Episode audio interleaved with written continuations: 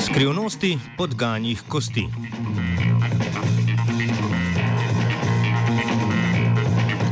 Človek s svojim delovanjem močno spreminja okolje, v katerem živi. Čeprav so večje spremembe okolja vidne šele zadnjih nekaj stoletij, je človek na geologijo, biodiverziteto in klimo vplival že mnogo prej. Zato teden začenjamo z raziskavo, v kateri so znanstvenice in znanstveniki predstavili, kako lahko na podlagi izotopov rekonstruiramo spremembe kroženja hranil v okolju, ki jih je v svoji zgodovini povzročil človek.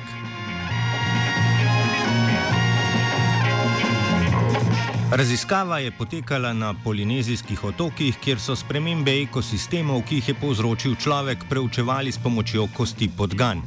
Človek je območje Pacifiškega oceana začel naseljevati pred približno 3000 leti, kamor je s seboj pripeljal tudi kulturne rastline in domače živali. Med drugim so s človekom na otokih pristale tudi podgane vrste Ratus exulans, ki so imele tako kot človek velik vpliv na lokalne ekosisteme. Ekološki odnos, ki se je na teh otokih vzpostavil med človekom in podgano, imenujemo komenzializem ali priskledništvo. Gre za odnos, v katerem ima en organizem korist, drugi pa ne škode in ne koristi. Tako podgane izkoriščajo presežek človekove produkcije, hkrati pa so s svojim prihodom na otoke močno vplivali tudi na lokalne ptice in endemične drevesne vrste. Tako odnos priskledništva podgan omogoča rekonstrukcijo vpliva človeka na okolje.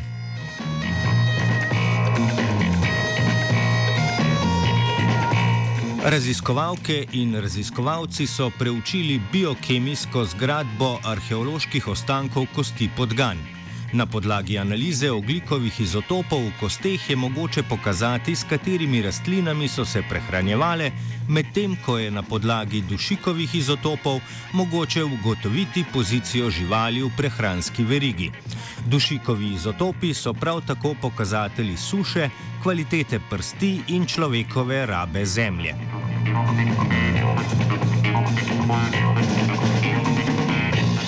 Izotopi dušika in oglika v kosteh so tako omogočili rekonstrukcijo vpliva podgan in človeka na ekosisteme Polinezije.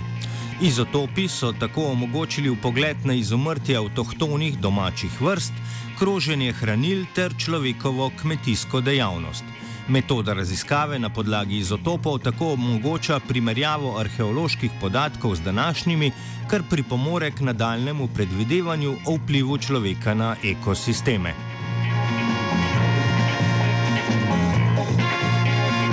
Vpliv organizmov na okolje v kosteh ohranja tudi Sebastian.